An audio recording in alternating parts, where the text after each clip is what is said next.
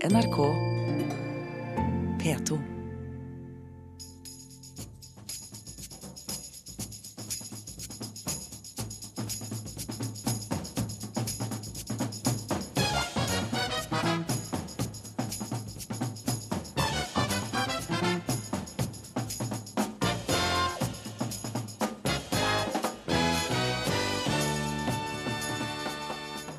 Det er tøft og vanskelig å ikke kunne dra tilbake til hjemlandet sitt, sier FrPs Masiar Keshvari. Likevel vil han nekte asylsøkere å gjøre nettopp det. Jeg føler meg friskere av å bare drikke juice, sier justerapeut. Man mister evnen til å tenke klart av så ensidig kosthold, svarer professor. Og ukeslutt lar Thomas Seltzer få smake sin egen medisin. Snu deg og bend over, gutten. Nå! Eh, altså, nå blir dette eh, Ti stille når jeg snakker, tøs. Du hører på Ukeslutt i NRK P1 og P2. Mitt navn er Thomas Alvarstein Ove og skal følge deg den neste timen. Der får du også møte presten som vil ha rettssak om homobryllup i kirken. Først nyheter med Kari Bekken Larsen. Politiet leiter fortsatt etter den eller de som tok livet av en mann i 40-åra på Lindeberg i Oslo i natt. Det er funnet et skytevåpen med lyddemper nær åstedet, og politiet ser våpenet i sammenheng med drapet. Mannen ble trolig drept rundt midnatt. Norge bør deles inn i mellom fem og sju regioner. Det sier fylkesleder i Hordaland Venstre, Geir Kjell Andersland, til avisa Nasjonen. I et forslag som blir behandla av Venstres landsmøte i dag, går fylkeslaget inn for å erstatte de ni fylkeskommunene med sju folkevalgte regioner. En domstol i Egypt har dømt lederen for Det muslimske brorskapet, Mohammed Badi, og 13 andre medlemmer til døden. De er dømt for å ha oppfordra til vold. Det muslimske brorskapet blir regna som ei terrorgruppe av regimet i Egypt. For andre dag på rad har det landa et fly fra Røde Kors i Jemen. Flyet var lasta med 35 tonn medisiner og nødhjelpsutstyr. Røde Kors sier behovet for hjelp er stort etter kampene mellom den sjiamuslimske Houthi-militsen og presidentens styrker de siste ukene. Flere hundre mennesker er blitt drept pga. kampene. Svein Arne Hansen ble i dag valgt til president i Det europeiske friidrettsforbundet. Hansen er den første nordmannen som får dette vervet. Han er også president i Norges friidrettsforbund, og var mange år stevnedirektør for eh, Bislett Games i Oslo. Og Politiet måtte rykke ut til Torvastad kirke på Karmøy i Rogaland i natt. Årsaken var at kirkeklokkene hadde kimt i over en time og holdt folk våkne, det skriver Haugesunds Avis. Årsaken til den tidlige gudstjenesteinnkallinga var trolig elektrisk krøll. Det var nyhetene. Er det greit å dra tilbake på ferie til hjemlandet når du er asylsøker i Norge? Vi tar debatten straks, men først skal vi til Venstres landsmøte. For denne uken har partiet vært i krisemøter med regjeringen og KrF pga. asylbarna. Onsdag kveld kom de fire partiene frem til en løsning. Rundt 60 asylbarn som er sendt ut av landet, skal kunne få saken sin vurdert på nytt. Til gjengjeld kommer innstramninger på andre områder. Politisk reporter her i NRK, Astrid Randen. Du er på Venstres landsmøte i eh, Tromsø. Det virker som alle de borgerlige partiene er veldig fornøyd med løsningen. Er de ferdige med asylsaken i Venstre nå? Nei, det tror jeg ikke. For uh, partiene er jo uh, så uenige om hva som blir konsekvensen av denne avtalen. Og så har det jo pågått en ganske bitter bitter ordkrig etter at asylbarnavtala kom i stand. Frp de hevda at eh, Venstre og KrF har solgt seg billig, og de jubla over de innstrammingene de har fått til. Mens her på Venstre-landsmøtet så er folk mildt sagt ganske oppgitte over Frp. De, de, mener at uh, en uh, har forsøkt å, å forsøke å overbevise folk om at Frp ikke har noen grunn til å juble. Og de sier at innstrammingene som Frp har fått gjennom, de uh, kommer ikke til å ha noen effekt i praksis. Og til Aftenposten i dag så sier Trine Skei Grande, Venstre-lederen, at Frp sin innvandringspolitiske talsperson han må lære seg skikk og bruk. Så jeg, jeg, tror at ordkrigen og, og kampen om sannheten i denne saken, den eh, tror jeg ikke er helt over ennå. Hvis vi ser utover asylsaken, Trine Skei Grande er avbildet i nesten samtlige aviser i dag, tilsynelatende med glorie på hodet. Er det hallelujastemning i Venstre? Ja, Det er lysekronene i landsmøtesalen som har gjort at fotografene har funnet så, så, fine motiv. En hallelujastemning. Det i hvert fall god stemning her i Tromsø. Det har snødd i hele natt i byen, og byen er dekka et hvitt teppe av snø. Eh, men her inne på landsmøtehotellet så er de mest opptatt av det grønne, eller eh, heller det grønne skiftet. Det er ambisiøse forslag som eh, partiet har lagt på bordet. Venstre vil at vi skal bli verdensmestere på grønn finansforvaltning. De vil at vi skal bli verdensleiende på miljøvennlige skip. Eh, vi skal få en global leierrolle i fornybar energi og bli best på bruk av biomasse. Og I tillegg så har partiet akkurat nå en pressekonferanse der de foreslår at oljefondet skal trekke seg ut av kål og av forurensende svært forurensende oljeselskap. Så det mangler ikke på ambisjoner for miljøets eh, vegne her i gården, i hvert fall. Det høres ut som de bare er opptatt av miljøet i Venstre. Er det andre saker som skal opp på møte? Ja, Det er jo litt andre saker også. Det er veldig Mange av landsmøtedelegatene her er opptatt av søndagsåpne butikker. Eh, Venstre sitt partiprogram så står det at eh, en skal gå inn for at kommunene skal få bestemme dette sjøl altså ha en åpning for søndagsåpne. Men uh, ei rekke folk her lokalt i Venstre har tatt til orde for at en kan gå imot søndagsåpning. Men i går kveld så gikk det manges overraskning. Partilederen sjøl på talerstolen advarte mot å stemme for dette forslaget, og med veldig knapp eh, margin så fikk hun det som hun ville. Astrid Randen på Venstres landsmøte i Tromsø, takk skal du ha. Asylbarna har altså fått det meste av oppmerksomheten etter at regjeringen meislet ut ny asylavtale med støttepartiene. Men nederst i avtalen står det at de borgerlige partiene vil ha en slutt på asylsøkere som reiser tilbake på ferie til landet de har flyktet fra. De som gjør det, risikerer nå å miste oppholdstillatelsen sin. Masiyar Keshvari, stortingsrepresentant for Fremskrittspartiet. Hvorfor er det på tide å stramme inn på dette nå? Fordi jeg tror det oppfattes som et hån mot asylinstituttet for svært mange at mennesker som kommer til Norge og søker om beskyttelse og sier at de er forfulgte, eh, enten innen kort eller litt lengre tid, er tilbake på ferie i hjemlandet sitt. Sender barna tilbake på ferie eller skoleopphold i somrene osv. Eh, når man søker om beskyttelse og får et beskyttelse eh, i et land, så er det jo slik at man da i utgangspunktet skal ha vært forfulgt. Og Hvis man da til stadighet kan bare reise tilbake som om ingenting har skjedd, eh, da reiser jo det en eh, del spørsmål om hvor reelt forfulgt man egentlig er. Så kan man jo alltid finne noen unntak eller eh, hendelser som gjør at det er greit. fordi alle disse sakene skal jo da behandles individuelt og skikkelig. Det er jo ikke sånn at man bare kaster ut folk. Men vi har sett altfor mange saker som gjør at vi ønsker å gjenreise tilliten til asylinstituttet. og flyktningers eh, eh, status i samfunnet. For det kan ikke være sånn at folk som er reelle flyktninger, skal bli oppfatta som folk som nærmest bare er her pga. sosiale og velferdsordninger, og så kan de reise tilbake på ferie når det måtte passe hjemlandet.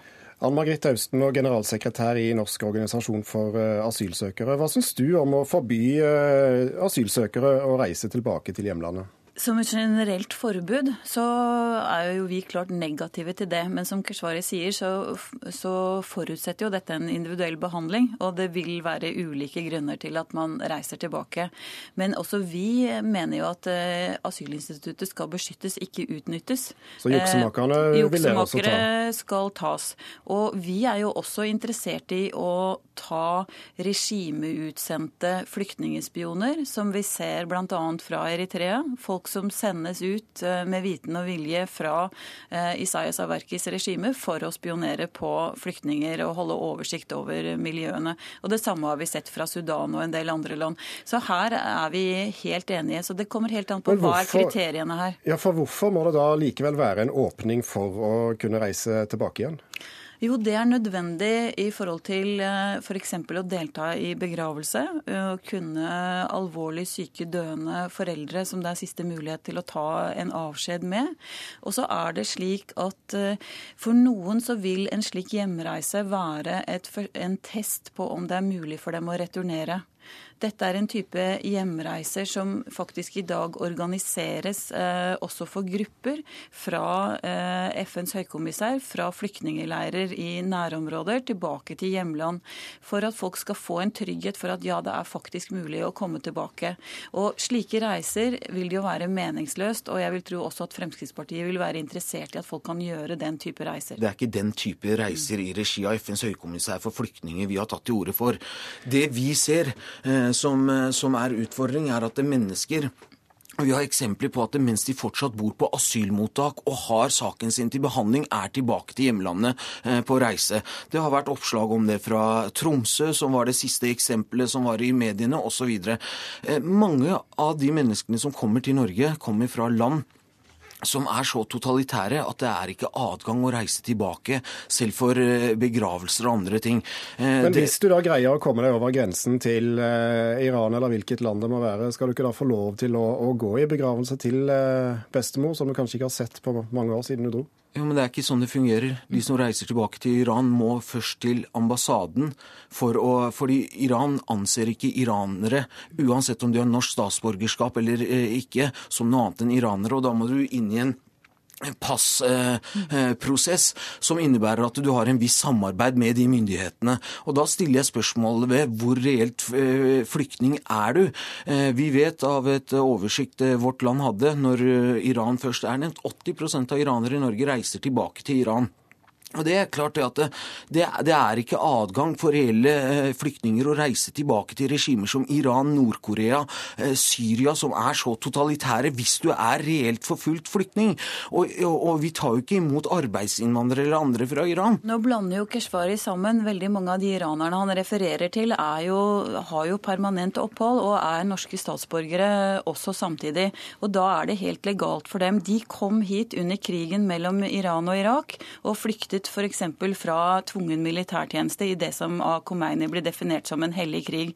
Så, så her, her, er det blanding. Og dette forslaget som, eller denne punktet i avtalen som ligger her nå, vil ikke endre på disse gruppenes mulighet for Nei, å reise det, tilbake. Det er riktig, men mitt poeng var inntrykket man skaper i det norske samfunnet. Østner, kan, det ikke det, kan det ikke skje at uh, asylsøkere som, som i dag kommer fra f.eks. Iran, kan få ødelagt sin prosess eh, hos, hos, norske myndigheter pga. denne hyppige tilbakereisingen fra andre? Ikke av iranere som har blitt norske statsborgere og som har permanent opphold. Nå er det jo nettopp Keshvari som får folk flest til å tro at 80% av iranerne som er i Norge, er juksemakere ved å framstille det på denne måten. Dette er jo helt urimelig.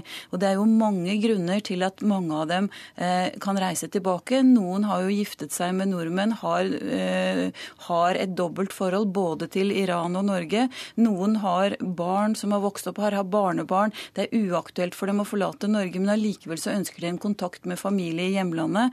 Og det kan være vanskelig for dem å returnere permanent, men det trenger ikke være vanskelig å, å, å, være der på besøk. For dette er helt streite ting som det, alle er, klar over. Det er ikke helt streit å hevde seg for fullt og reise tilbake til hjemlandet. Derfor har vi innført det, sånn at vi om 10 år, 15 år ikke får den type argumenter tilbake. Ja, men nå er de jo norske statsborgere, nå har de gifta seg med noen og reist tilbake. Asylinstituttet er for beskyttelse og ikke for noe annet. Men du, du er selv fra Iran, kom til Norge i 1986 og har aldri vært tilbake etter det. Er du ikke litt fristet til å se hvordan det faktisk er nå, 20 eh, år senere, i hjemlandet? Mange ganger. Jeg har ikke fått lov til å delta i begravelse til morfar. Det er tøft, det er vanskelig. å ikke kunne dra tilbake til eh, hjemlandet sitt som man har tilknytning til, eh, når spesielt når, når, dødsfall og den type ting oppstår. Men det er resultatet å være reelt forfulgt. Det er resultatet å drive aktiv motstandsarbeid mot et av verdens terrorregimer.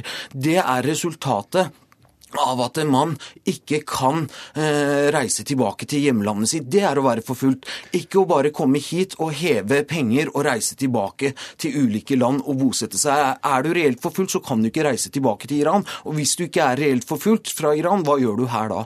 Østner, er det mulig å lage en vanntett ordning som tar juksemakerne, men likevel åpner for de unntakene du ønsker? Derfor så er det veldig viktig hvordan denne instruksen blir utformet. Hva er hensikten med den? Og det må jo være å nettopp ta eh, juksemakere. Altså Det Keshvari framstiller nå, er jo som om nordmenn som reiste til, til Sverige under krigen, så valgte de å bli boende i Sverige etter at krigen var over. og så reiser de da selvfølgelig tilbake igjen til Norge. Fordi at ting har endret seg, og forholdet har endret seg. Nå er Iran fortsatt et regime som for mange er farlig å reise tilbake til, men ikke for alle. Dette vil nok bli behørig diskutert enten på stortingskontoret eller rundt middagsbordet hos Erna Solberg. Takk skal dere ha for at dere var med i Ukeslutt. Ingefær, spinat, sitron, gulrøtter. Putt alt dette i jusmaskinen, og så lever du på den flytende maten i mange dager på rad. Trenden heter jusing og har spredd seg fra USA til Norge. Og dette får deg til å sukke høyt og oppgitt, professor i ernæringsvitenskap Wenche Frølich. I A-magasinet omtaler du denne trenden som en religion. Hvorfor det? Ja, Det er veldig mange mennesker som eh, gjerne vil oppnå visse mål, og som tror at ved å bare kaste seg på en sånn motediett som ikke har noen eh, rot i virkeligheten når det gjelder det ernæringsmessige, så kan de bli friske. Og det å skulle holde på å bare drikke juice da fjerner du noe av det viktigste som fins. Det er jo gammel forskning fra langt tilbake. Vi vet jo akkurat hva som skjer når du begynner å lage juice ut av matvarer som har eh, egentlig ganske mye kostfiber som er viktig for oss, og som også har veldig mange næringsstoffer som er bundet nettopp til kostfiberen. Karina Hultin Dahlmann, du kaller deg justerapeut og er en av de ivrigste forkjemperne for eh, denne trenden, og har skrevet flere bøker om eh, jusing. Er det mm. religion, dette? Du, Det er absolutt ikke det. Nå er det veldig viktig å se på forskjellen på det vi kaller juicing og en juice detox, som jeg tror det Wenche henger seg opp i. For juicing er jo rett og slett bare det å drikke frukt og grønt som en del av et sunt kosthold. Gjerne én til to ganger om dagen, men når man lever det en kaller en juicy livsstil, så er det veldig mange som også ønsker å gjøre det som vi kaller en juice cleanse, en juice detox. Hva er det lengste du har gått på bare juice? Syv dager. Syv dager. Syv dager. Er det så farlig, Frølich? Ja, altså Ordet detox det er jo liksom ikke noe som har noe relevans egentlig i, eh, i vitenskapen i det hele tatt. Uh, og det, det, der at man skal avgifte Vi vet jo at dyr, som f.eks. jeg sier reinsdyr, de går på Finnmarksvidda, og de får ikke mat. De drikker noe vann og litt sånne ting. Men de, mange av de dør faktisk av celleforgiftning. For etter hvert som du liksom begynner å gå ned i vekt, så skiller din egen kropp ut en del av giftene som du faktisk forgifter deg selv med. Så detox, det er, eh, det er nok ikke helt eh, relevant. Og jeg skulle gjerne se det som foreligger der av kunnskap på dette. Det er det ikke, faktisk. Hvor næringsrik vil du si et slikt kosthold er? Det er veldig søtt. Eh, du får jo all fruktsukkeret da, som du har inn. Og du fjerner jo da kostfiberen. Og i, til kostfiberen Jeg har jo jobbet med kostfiber i alle år, også veldig mye internasjonalt. Eh, der den sitter bundet til kostfiberen, og der sitter den. Eh, du klarer ikke å frigjøre den eh, bare ved å tjuse, som noen hevder. Slik at du mister av både kostfiber. Kostfiber er vi vet det er mer og mer viktig. Det er en stor sammenheng mellom dette som heter brain gut, altså sammenhengen mellom tarmen og hjernen. Og får du ikke kostfiber, så fungerer ikke hjernen. Og vi vet jo av mange forsøk både på humant og på dyreforsøk at man mister sin kognitive evne, altså sin evne til å tenke klart og være klok, holdt jeg på å si. Dette høres ikke bra ut. Nei, men, eh, og det her Wenche på en måte ikke har satt seg inn i verken hvordan jeg jobber eller noen ting. For hvis hun hadde visst litt om hva jeg driver med, og hvordan mitt f.eks. detox Vi kaller det detox-program fordi det er på en måte ordet som er blitt mest kjent. Du kan kalle det akkurat hva annet du vil. Men f.eks. jeg blander inn en halv avokado hver eneste morgen. Eh, jeg har nøtter, jeg har frø, jeg har grønnsakssupper til, til, til, kveldsprogrammet som har noen vintre. For får i de riktige næringsstoffene. Du får i deg fettstoffer, og ikke minst så er det jo, får man også i seg pektin, som er vannløselig fiber. Dette følger med når du juicer bl.a. epler, også pærer. Men jeg bruker jo masse grønnsaker, rødbeter, fennikel, ingefær, deilig sitron og ting som folk ikke spiser. Og det at man skal sitte og diskutere om det er sunt at folk får i seg mer frukt og grønt, det syns jeg blir rett og slett litt galskap. Men tar vitenskapen rett og slett feil, da? Ja, men Det kommer an på hva er, det, hva er hoved... Eh, altså på en måte, hva er det vi diskuterer i forhold til dette her med Er det fibre som alle henger seg så opp i, eller hva er det Wenche mener er så galt med dette? Ja, Det er jo generelt kostholdet. Alle de som jobber med dette seriøst, vi har jo akkurat samme oppfatning. Og det er at du faktisk du eh, får altfor lite proteiner. Nå er det jo denne proteinkuren som skal være det vet vi også. Overdriver du noe, så går det gærent også. Og veldig mye av Du får for lite fett ved det, å ta noen nøtter inn. Altså Vi anbefaler 140 gram nøtter i uken. Det er ca. 5-6 nøtter om dagen. Eh, men det er jo ikke det eneste kilden du har for fett og proteiner. Men du får fryktelig mye sukker ved at du eh, juicer det og drikker det, og du får den der eh, juicen ut. Altså. Ja, Men du vet ikke hva mine oppskrifter er. Du kan ikke si at du får for mye sukker. Jeg har, jeg har fokus på alt fra hjertesalat til fennikel til squash til agurk til gulrøtter. Så jeg tror det er på tide å se litt at det er ikke svart-hvitt, og at den, dette er noe som faktisk får folk til å øke inntaket av frukt og grønt. Tilbakemeldinga er fantastisk med at mye mer overskudd, mye mer energi, mindre smerter i muskler og ledd, og en kickstart. Dalmann, hva, hva, får du ut av, eh, av en slik kur? Vel, Jeg har jo juicing som en del av mitt kosthold, og det har jeg hatt i tre til fire-fem år. Og sånn skal det være, men jeg kjører gjerne en juice detox én til to ganger i, i, året. Rett og slett når jeg vet at etter mye, jeg har vært inne mye om vinteren, jeg trenger litt ny eh, giv og energiboost, og så trenger jeg å nullstille kroppen min. Hjelper det dette mot sykdommer også? Ja, det er mange tilbakemeldinger på personer bl.a. ulcerøs kolitt, maveproblemer, personer med leddgikt, revmatisme, fibromyalgi, for det handler om syrebasedannelse. Det handler om å fjerne triggere som meieriprodukter, raffinert sukker, også hvetemel, ting som vi vet er syredannelse, og ikke minst for mye protein. Tror du virkelig at noen får proteinmangel på syv dager i den vestlige verden, hvor vi har altfor mye protein i kostholdet? Hvordan kan eh, folk påstå at de blir friske av en slik kur? Ja, skulle gjerne sett hennes vitenskapelige eh, Vet du, hva, Jeg jobber fortsatt i virkeligheten med mennesker og får konkrete tilbakemeldinger. Hvis man vet at man i maven har en pH på 1,5, så tror jeg ikke du klarer å få inn eh, at det skulle påvirke denne syre base. Det er også noe som er veldig opplaget og ikke som er realitet. Men hun føler seg frisk og opplagt. Hvorfor tror du det blir resultatet? Noe, du vet at det er noe som heter placeboeffekt. Og det er det veldig mange som biter på hele tiden. Men det er veldig vanskelig av og til for folk som driver seriøs forskning, også skulle diskutere med folk som har sin inntekt via skrive bøker om dette og lure veldig mange unge mennesker til å tro dette. Karina Hultin Dahlmann, mm. Hvis du skulle komponere et glass juice til Wenche Frølich, hva ville du hatt oppi der? Du ville hatt litt eple og litt sitron, og så ville hatt ingefær og litt squash og så litt hjertesalat. En litt basedannende grønn juice som gjør godt. Som stabiliserer blodsukkeret og metter faktisk alt. Hadde du sagt ja takk? Mm Du skjønner at jeg er så frisk at jeg trenger ikke alt dette. Jeg har alltid vært frisk, jeg. Jeg trenger ikke noe ekstra boost Nei, eller etter vinteren. Fordi at jeg lever et sunt kosthold, og jeg driver mosjon. Og da får du faktisk et overskudd på det. Og debatten om eh, jusing den fortsetter på Twitter med emneknagg ukeslutt. Takk for at dere var med, Wenche Frølich og Karina Hultin Dahlmann. Du hører på Ukeslutt, og det må du fortsette med, for den neste halvtimen får du høre dette. De bryr seg ikke om hva Kirkemøtet mener. I 23 år har jeg viet homofile i kirken, sier pensjonert prest.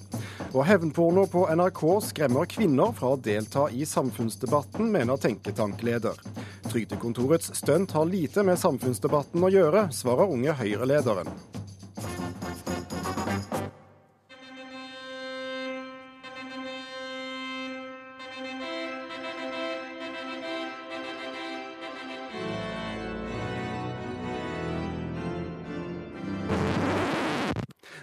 Homofile skal kunne gifte seg i kirken vekker sterke følelser.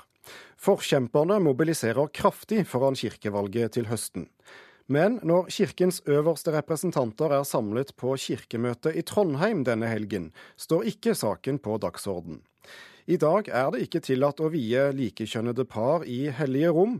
Reporter Kari Li besøkte et par og en prest som ikke bryr seg om å følge reglene. Skal man gjøre litt som ikke er lov, så er det jo allikevel ikke lov. Så da tok vi den helt ut. I ei stue i en klassisk bygård på Grünerløkka i Oslo ruller filmen fra Per Christian Amundrøds kirkebryllup over en 52 tommer stor TV. Kirka er fylt med blomster og stivpynta mennesker, og foran alterringen sitter Amundrød og mannen hans, begge i dress. Flott par. ja, flott. Kjempefint par. Prest Grete Hauge sitter sammen med Amund Røe i sofaen og ser filmen for første gang.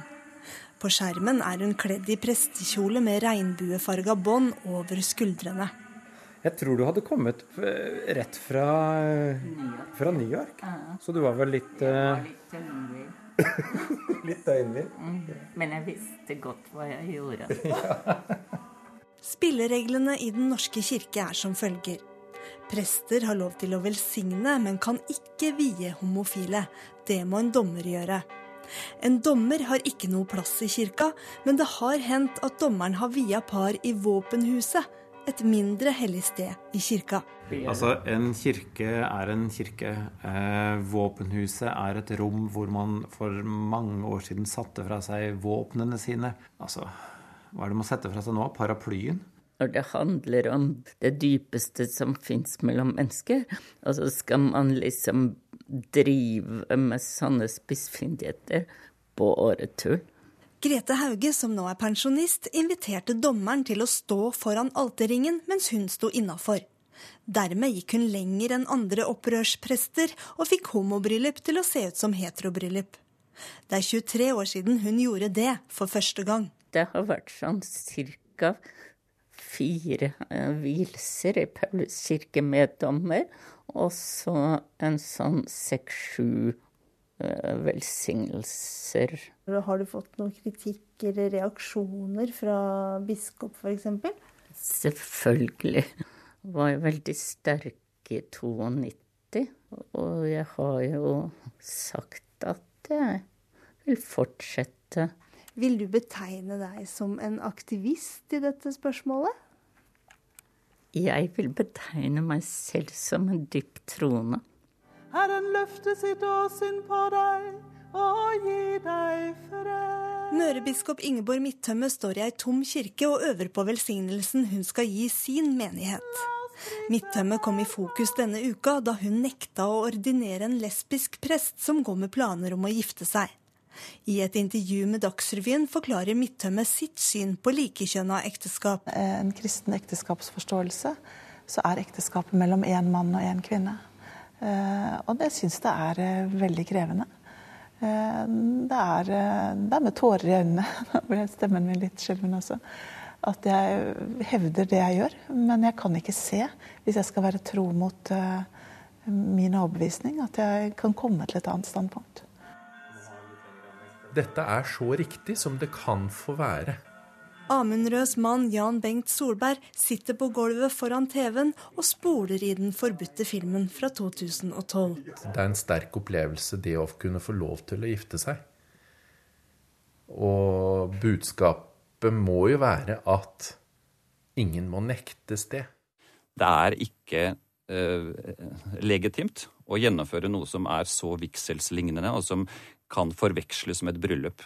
Og da ta med seg dommere inn i kirken og sånn, det, det er å gå langt over den streken som jeg tror de fleste på kirkemøtet egentlig tenkte seg.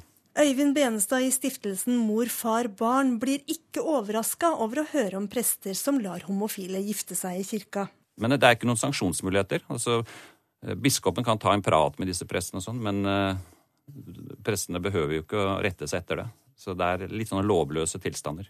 Men uh, det er jo et Oslo-fenomen mye mer enn det er et nasjonalt fenomen. Benestad tapte slaget om kjønnsnøytral ekteskapslov, men han akter ikke å tape kampen om likekjønna vigsel i Den norske kirke. Og det har jo med mye mer enn bare denne seremonien i kirka. Det har med hele teologien som kirken og Bibelen står for når det gjelder ekteskap, når det gjelder samliv, når det gjelder familie, når det gjelder barns rett til sin egen mor og far. Så det har ikke med noen seremoni å gjøre i det hele tatt. Det har grunnleggende å gjøre med hva skal Kirken lære om ekteskapet, og hva skal Kirken lære om barns rett til sin egen mor og far. Oslo-biskop Ole Kristian Kvarme skriver i en SMS til ukeslutt at han ikke ønsker å kommentere praksisen med likekjønnet bryllup i menigheten på Grünerløkka. Severt Lappegard, prost i Elverum i Sør-Østerdal. Du kunne tenke deg å gå enda lenger enn Grete Hauge og gjennomføre et homobryllup inne i kirken uten dommer, akkurat som en vigsel mellom mann og kvinne. Det kan ende i retten. Hvorfor vil du det? Det er eh, pga. at vi helt siden 2008 har eh, hatt en veldig uklar juridisk eh, situasjon omkring dette. For det var i 2008 eh, at eh, Stortinget kom med et lite tillegg eh, her i en bestemt paragraf i ekteskapsloven som sier at et ekteskap er ugyldig dersom prest i Den norske kirke ikke har fulgt liturgi fastsatt av Kirkemøtet. Og dette er en merkelig formulering, fordi prester i Den norske kirke har vigselsrett, og en prest i Den norske kirke vil alltid følge liturgi fastsatt av Kirkemøtet. Slik at eh, jeg kan ikke se at det egentlig er noe til hinder for at vi skal kunne vie likekjønna par også. Ja, Hvordan ville du i praksis ha gjort det? Nei, Det var jo bare rett og slett å gjennomføre eh, en vigsel og bruke den liturgien som vi har, som er vedtatt av Kirkemøtet. Men i, den, i, i det innledende avsnittet i denne liturgien så er det på to steder brukt formuleringen 'en mann og en kvinne' når en mann og en kvinne vil inngå ekteskap osv. Så, videre. så den eneste tilrettelegging som måtte gjøres, det er at vi da forandrer det. At vi i stedet for å si en mann og en kvinne f.eks. sier når to vil inngå ekteskap osv. Og, det er akkurat den praksis som alle prester følger i alle andre liturgier, og, og også faktisk i vigselsliturgien. Så du mener det er rom for å gjøre denne lille endringen eh, i dag? Absolutt. Jeg kan eh, gjøre det tydelig med å fortelle eh, hvordan alle prester gjør det når vi vier folk som er over fruktbar alder. For det har med en liten finurlig ting å gjøre at i det vanlige vigsels liturgien som vi har, så eh, sies det at eh, vi henvender oss til brudeparet og sier 'vær fruktbare og bli mange'. Men når da f.eks. brudeparet er over 80 år, så utelater jo alle prester denne formuleringen, for det virker jo direkte komisk og mot sin hensikt.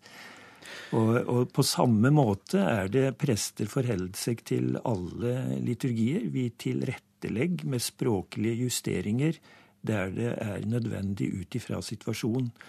Slik at, at, eh, at, et ekteskap skulle bli ugyldig om vi i en liturgi bytta ut mann og kvinne med f.eks. to. Det er helt absurd, og det er det som burde prøves for retten. Du og flere andre vi i Ukeslutt har snakket med denne uken, eh, føler seg trygge på at det vil bli gjennomslag for vielse av homofile på kirkemøtet neste år. Hvorfor er det da likevel så viktig for dere forkjempere å provosere på denne måten? Ja, nå er jo ikke eh, dette noe som vi gjør nå, at vi provoserer på denne måten. Vi sa, mange av oss, allerede i 2008 at vi gjerne ville få prøvd dette, og at vi innbød likekjønna til å komme og å ha en vielse i kirka på vanlig måte. Jeg har hatt samtaler med tre par som har vurdert det, men alle tre har trukket seg likevel, fordi at de innser at dette vil medføre mye ståhei og mye ekstra belastning. og det ønsker de da ikke knytta opp mot det som skal være en veldig fin og vakker opplevelse i livet. Dersom det likevel ikke blir lov å gifte seg i kirken i løpet av det neste året, kan du svare kort på hva du tror vil skje da? Nei, men det blir eh, åpna mulighet for det. Alle ting tyder på det at eh, flertallet i Kirkemøtet vil eh, snu. Eller bli vekta på en annen måte. Og ganske sikkert det er bare et spørsmål om tid. Om det skjer om ett år eller to år, spiller for så vidt mindre rolle, men det vil skje. Takk, prost i Elverum, Severt Lappegard er forbanna. Vi er her fordi vi er bekymra for uh, hvordan uh, ytringsfrihetens uh, vilkår skal være for, for kvinner i Norge. og NRK må straks og med en gang ta et oppgjør med gubbeveldet sitt. De må gå igjennom og se hvorfor er det sånn at det er vanskelig å få kvinner til å, til å stille opp i, i debatter. Hvordan tror de at, at kvinner skal tørre Eh, å delta i debatter eh, når vi blir eh, plaga og trakassert på den måten som Kari Jakkesson har opplevd. Takk. Tause damer med munnbind demonstrerte denne uken utenfor NRK. Ottar-leder Arne Stø tok ordet i protest mot Thomas Seltzer og Trygdekontorets pornoparodi på treningsinstruktør og pornomotstander Kari Jakkesson. Slik hørtes det ut da programmet gikk på TV. Yes, Thomas,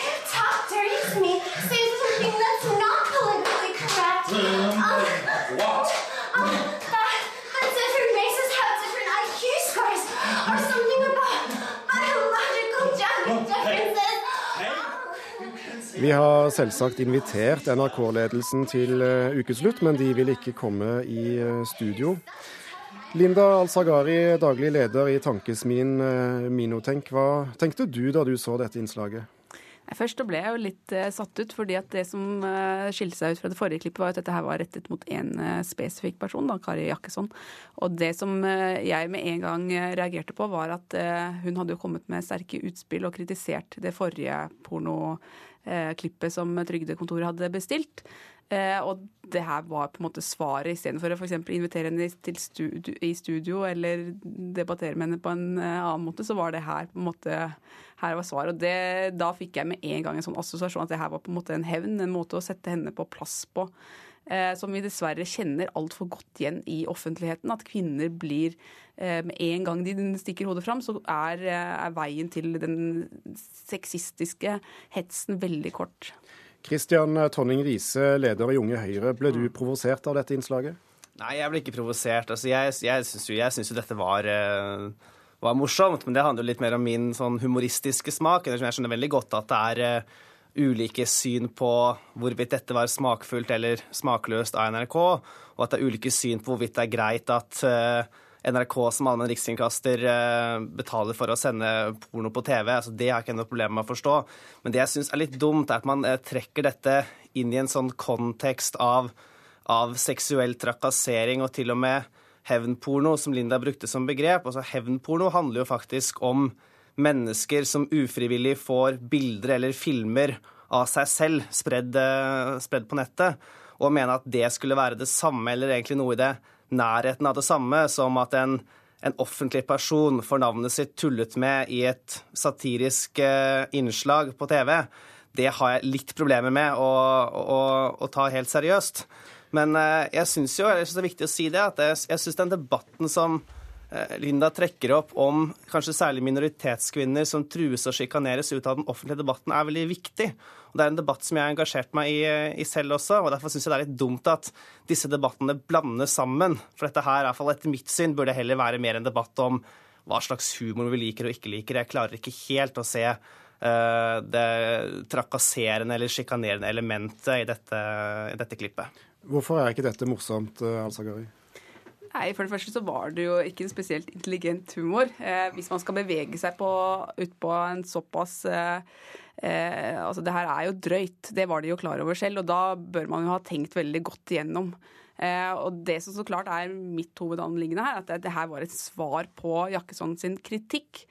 Eh, som gjør at, eh, at, det blir veldig problematisk i forhold til liksom hele den offentlige debatten, hvor vi vet at kvinner kvier seg for å delta.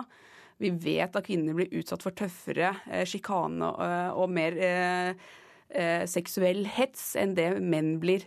Og det er på en måte, Den konteksten kan vi ikke ta bort, for det er realiteten. Så det å på en måte blåse det vekk når det er det vil jo også alle mediehusene kunne svare på, at det er en utfordring å få kvinnelige debattanter til å stille opp. Og det er en demokratisk utfordring. Og Erna Solberg har jo faktisk tatt dette på alvor. I fjor inviterte hun bl.a. meg og en rekke andre samfunns, kvinnelige samfunnsdebattanter til å ta opp akkurat dette problemet med, med hets av kvinnelige stemmer. Og dette er vel alvorlig? Jo, det, det siste er jeg jo helt enig i, men det vi, er, det vi er litt uenig i, er hvorvidt men Trygdekontoret bidrar ikke til dette? Var, var et godt eksempel uh, på det. Hvis vi bare tar en uh, og Det er helt riktig at, uh, at, at, kvinner i større grad blir utsatt for, for seksuell, seksuell hets. Men så kan man hvorvidt dette er seksuell hets, det har jeg litt problemer med å se. Altså, her var jo, Pornosatire var jo liksom utgangspunktet, konteksten her. Det var jo ikke noe som ble trukket inn som svar på en debatt. Det var jo i høyeste grad en del av, en del av diskusjonen eh, fra før av. Og så er det jo sånn at man som offentlig person må tåle å bli eh, karikert. Og, vi kan jo ta for eksempel, altså, så vil jeg mene at Harald Eias parodi av Knut Arild Hareide gikk jo mye lenger enn dette her. Altså, der var jo en, en type eh, karikatur som gikk på utseende, på personlige egenskaper, eh, altså kropp, stemme, alt mulig. Så, så jeg har vanskelig for å se og skulle mene at dette klippet på Trygdekontoret gikk noe lenger enn f.eks. det. Det som er en utfordring, er nettopp det at eh, veldig mange menn har problemer med å se det. For det, det ser vi veldig på reaksjonene både innad i Kringkastingsrådet og reaksjonene av klagene eh, og, og av, eh, i debatten. Så er det en stor, et stort overtall av kvinner som, som, skjønner på en måte det problematiske her. Fordi at kvinner fra de er i en ung alder og beveger seg ut i samfunnet, opplever forskjellige typer for seksuelle krenkelser. Det er på en måte en del av det å vokse opp som kvinne. og det intensiveres enormt enormt med en gang du går inn i den offentlige debatten. Eh, og mange menn sier at de forstår det ikke, de syns det er morsomt, eller de syns at man skal tåle såpass. Det, er, det er veldig typiske argumenter. Og det er, det er, der jeg tenker at det er kjempeviktig at vi må ha eh, en bedre forståelse for hvordan det her oppleves da, som kvinne. Og på en måte her blir hun eh, da liksom kjørt hardt bakfra. Eh, altså Jeg skjønner ikke hva, hva som de prøver å si med det. Men Knut Arild Hareide må, må tåle personhets? Eh, jeg syns også at det var ufint. Og jeg tenker at allikevel så er eh, Jakkesson en, på en måte en, en frittstående stemme. Hun har ikke stort politisk apparat bak seg. Jeg føler f.eks. at jeg som har en eh, som, Altså det er min profesjon å delta i den offentlige debatten. Jeg måtte ha tålt mye mer enn f.eks. Jakkesson, som er en frittstående stemme som er med på dette her på helt frivillig initiativ, da, denne her debatten hun har kastet seg inn i. Tonning Riise, hvordan mener du samfunnsengasjerte kvinner bør tolke dette innslaget? Så jeg synes jo nettopp eh, altså Noe av det som gjør Trygdekontoret til et, eh, til et ganske unikt og interessant program, er jo nettopp den blandingen de har av, av ganske så, sånn kvass satire og, og, intelligent samfunnsdebatt. Og konteksten i det programmet her var jo nettopp en debatt om eh, ytringsfrihetens grenser, om krenkelse. Altså hvor, eh, når er det riktig, og, eller når er det eh, legitimt å føle seg, seg, krenket og ikke. Så Sånn sett så syns jeg at det var en en relevant, eh, en relevant kontekst. Og det er jo, jeg synes jo det er, et, det er jo et poeng også, at det var jo altså den grad Jakkesson var innblandet i det programmet her, så var det at navnet hennes ble tullet med i en film med to pornoskuespillere. Uh, og på en måte når, når Derfor syns det blir litt rart å si som argument at liksom, hun blir kjørt bakfra eller sånne ting. Det er jo faktisk uh, Dette var to skuespillere som var hentet inn til å lage et satirisk uh, klipp. Uh, ja. Som spilte på skal... veldig klassiske pornografiske uh, iscenesettinger. Da, at, altså, måtte hun, ja. Men i hvert fall, det som er, uten tvil er et, er et stort problem her, er jo det at Jakkesson hadde vært med i debatten før.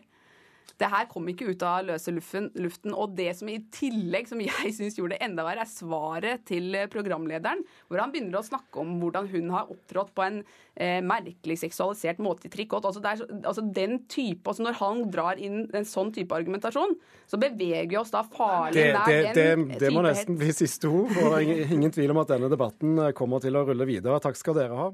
Ukeslutt har selvsagt eh, laget sin egen lille erotiske radionovelle. Inspirert av den siste ukens pornodebatt. Og vi kan love at vi ikke har eh, sendt en eneste lisenskrone i pornobransjens lommer. Dette er Annal spesial. Ikke bare har Thomas brent av 1000 lisensdollars på pornofilm med Kari Jakkesson. Alt bråket fra de jævla feminista har på toppen av det hele gjort selveste Gullrutegutten utbrent. Han ringer fra sin NRK-telefon, en iPhone 6, og svir av loads av lisenskroner i minuttet på sextelefon til favorittdama si. Han må jo tross alt få sluppet litt steam etter en beinhard uke. Hallaisen, du. Happy Tom her. Si meg, er du naken, eller? Bare litt blondere og sånt? Hei, Tom. Har lengta etter deg. Jeg lå bare her på senga og ventet på at akkurat du skulle ringe meg. Naken og klar for deg. Åh, Lille-Tom blir bare drithappy av å høre på deg, altså. Vil du se? Altså, hva gir du meg? Hun derre trimdama blei bare skikkelig bitchesur. Skjønner hun ikke at dette er digg humor, eller? Gullrutejuryen kommer til å være så hypp på meg i år også. Masse damer i juryen, vet du. Og ikke sånne hummeløse Ottar-Berter som aldri har fått seg en beta. mm. Så stor lille Tom er. Er det for min skyld? Lengter lille Tom etter meg eller etter Fitness-Kari? Ah, Fitness-Kari. Du sa fitte. Altså, veit jeg ikke at jeg er den hotteste mannemann-programlederen på hele jævla TV-en, eller? Alt hun gjør er å hoppe rundt i trang trikke og, så puppa spretter, frister oss mannfolka. Jeg blir jo horny av det, for det er jo noen jævla digge moves. Jeg skulle la lille Tom lære litt om trim, jeg. Akkurat nå gjør jeg som Kari, Tom. Ligger på rygg og trener musklene i musa. Løfter opp og ned. Opp og ned. Opp. Å, jeg skulle holdt de hoftene og tatt henne så godt bakfra at hun lærte å holde kjeft når skikkelig mannfolk prater. Du veit, Kari Annal spesial. Mm. Liker du anal, Tom? Skulle vi prøve det? Møtes? Å, kler er 60, da. Det lover jeg, Tommegutten min. 20 minutter. Your place. Happy Tom gleder seg til den deilige dama med de digre muggene skal komme. Sånn heter fra matrosdressen fra de gode, gamle turbodagene. Det er kanskje blitt eh, litt lite trening de siste åra, så den eh, passer ikke like godt lenger. En eh, überhappy Lille-Tom gjør det heller ikke noe enklere å presse legemet inn i drakta, men han klarer det så vidt. Idet han med vante hender har lagt på turkis øyenskygge, kraftig rouge og leppestift, og trukket matroslua ned på hodet, ringer det på døra. Utenfor står teledama kledd i lær fra topp til tå. Å, dæven, det var noe til utstyr! Endelig ei dame som har skjønt hva en kar vil ha. Hallaisen, Tom. Er du klar for Annal spesial? Pynta deg for anledningen har du også, din tøs. Snu deg og bend over, gutten min. Nå! Uh, altså, nå blir dette en uh... Ti stille når jeg snakker, tøs. La meg se hva vi har som er stort nok til å fylle et såpass stort rasshøl som deg. Denne, tenker jeg. Hva syns du, Tommeliten? Tror du ikke at denne vil summe godt i deg? Klar? Hva sier du? Har du fått nok porno til å være happy nå, eller? Ferdig uh, krenka. Og denne radioerotiske novellen var skrevet med hjelp av Cupidos erotikkredaktør Vibeke Lindstad Dengen-Petersen. Linn Bate Gabrielsen hadde laget innslaget. Og da er det trygt å ta bort puten fra ørene, statsmeteorolog Rafael Løvdahl. Hvordan blir været? Jo, Vi starter med et værvarsel som gjelder til i morgen midnatt. Og vi starter i fjellet i Sør-Norge. Sørlig liten kuling, sludd og snø ifra vest. Til dels regn under 1200 meter. Fra i natt vestlig stiv kuling utsatte steder. Snøbyger vesentlig i vest. Østlandet sørlig bris, avtagende tåke, men fortsatt en del skyer. Sent i kveld dreining til sørvest, liten kuling på kysten og regn ifra vest. I morgen vestlig frisk bris, liten kuling på kysten. Lettere vær, men utrygt for regn eller haglbyger om ettermiddagen. Telemark og Agder dreining til sørvest frisk bris, avtagende tåke og regn fra vest. Fra i kveld vestlig frisk bris utsatte steder opp i stiv kuling på kysten. Mot natten overgang til enkelte regn- eller haglbyger eh, i Vest-Agder og lavere snøgrense. Ellers lettere vær. Vestlandet sør for Stad. Sørlig opp i sterk kuling, litt regn. Fra i kveld vestlig liten kuling utsatte steder. Regn- eller haglbyger, snøbyger over 500 meter. I morgen betydelig lavere snøgrense og utrygt for torden. Møre og Romsdal og Trøndelag. Dreining til sørvest opp i stiv kuling på kysten. Regn, senere regnbyger. Mens i Trøndelag blir det opphold frem til i kveld. Snøgrense omkring 300-500 meter i dag, men utover søndag sludd også i lavlandet. Nordland sørøst økning til liten kuling. Opphold. Søndag sørvest bris, først på dagen liten kuling, litt regn, snø i høyden. Troms etter hvert sørøst frisk bris utsatte steder. Overgang til opphold. Søndag sørlig bris, litt regn, snø i høyden. Finnmark vestlig stiv kuling. I kveld skiftende bris. Enkelte sludd- og snøbyger i ytre strøk, ellers opphold. Søndag sørlig liten kuling, opphold. Men om kvelden litt sludd i vest. Nordsjøland på Spitsbergen skiftende bris, opphold.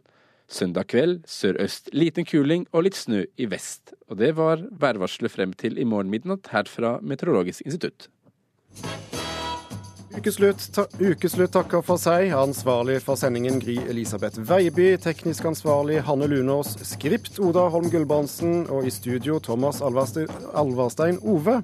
Denne sendingen kan du høre om igjen enten klokken fire i Alltid nyheter i dag, eller når du vil på nrk.no eller som podkast. God helg.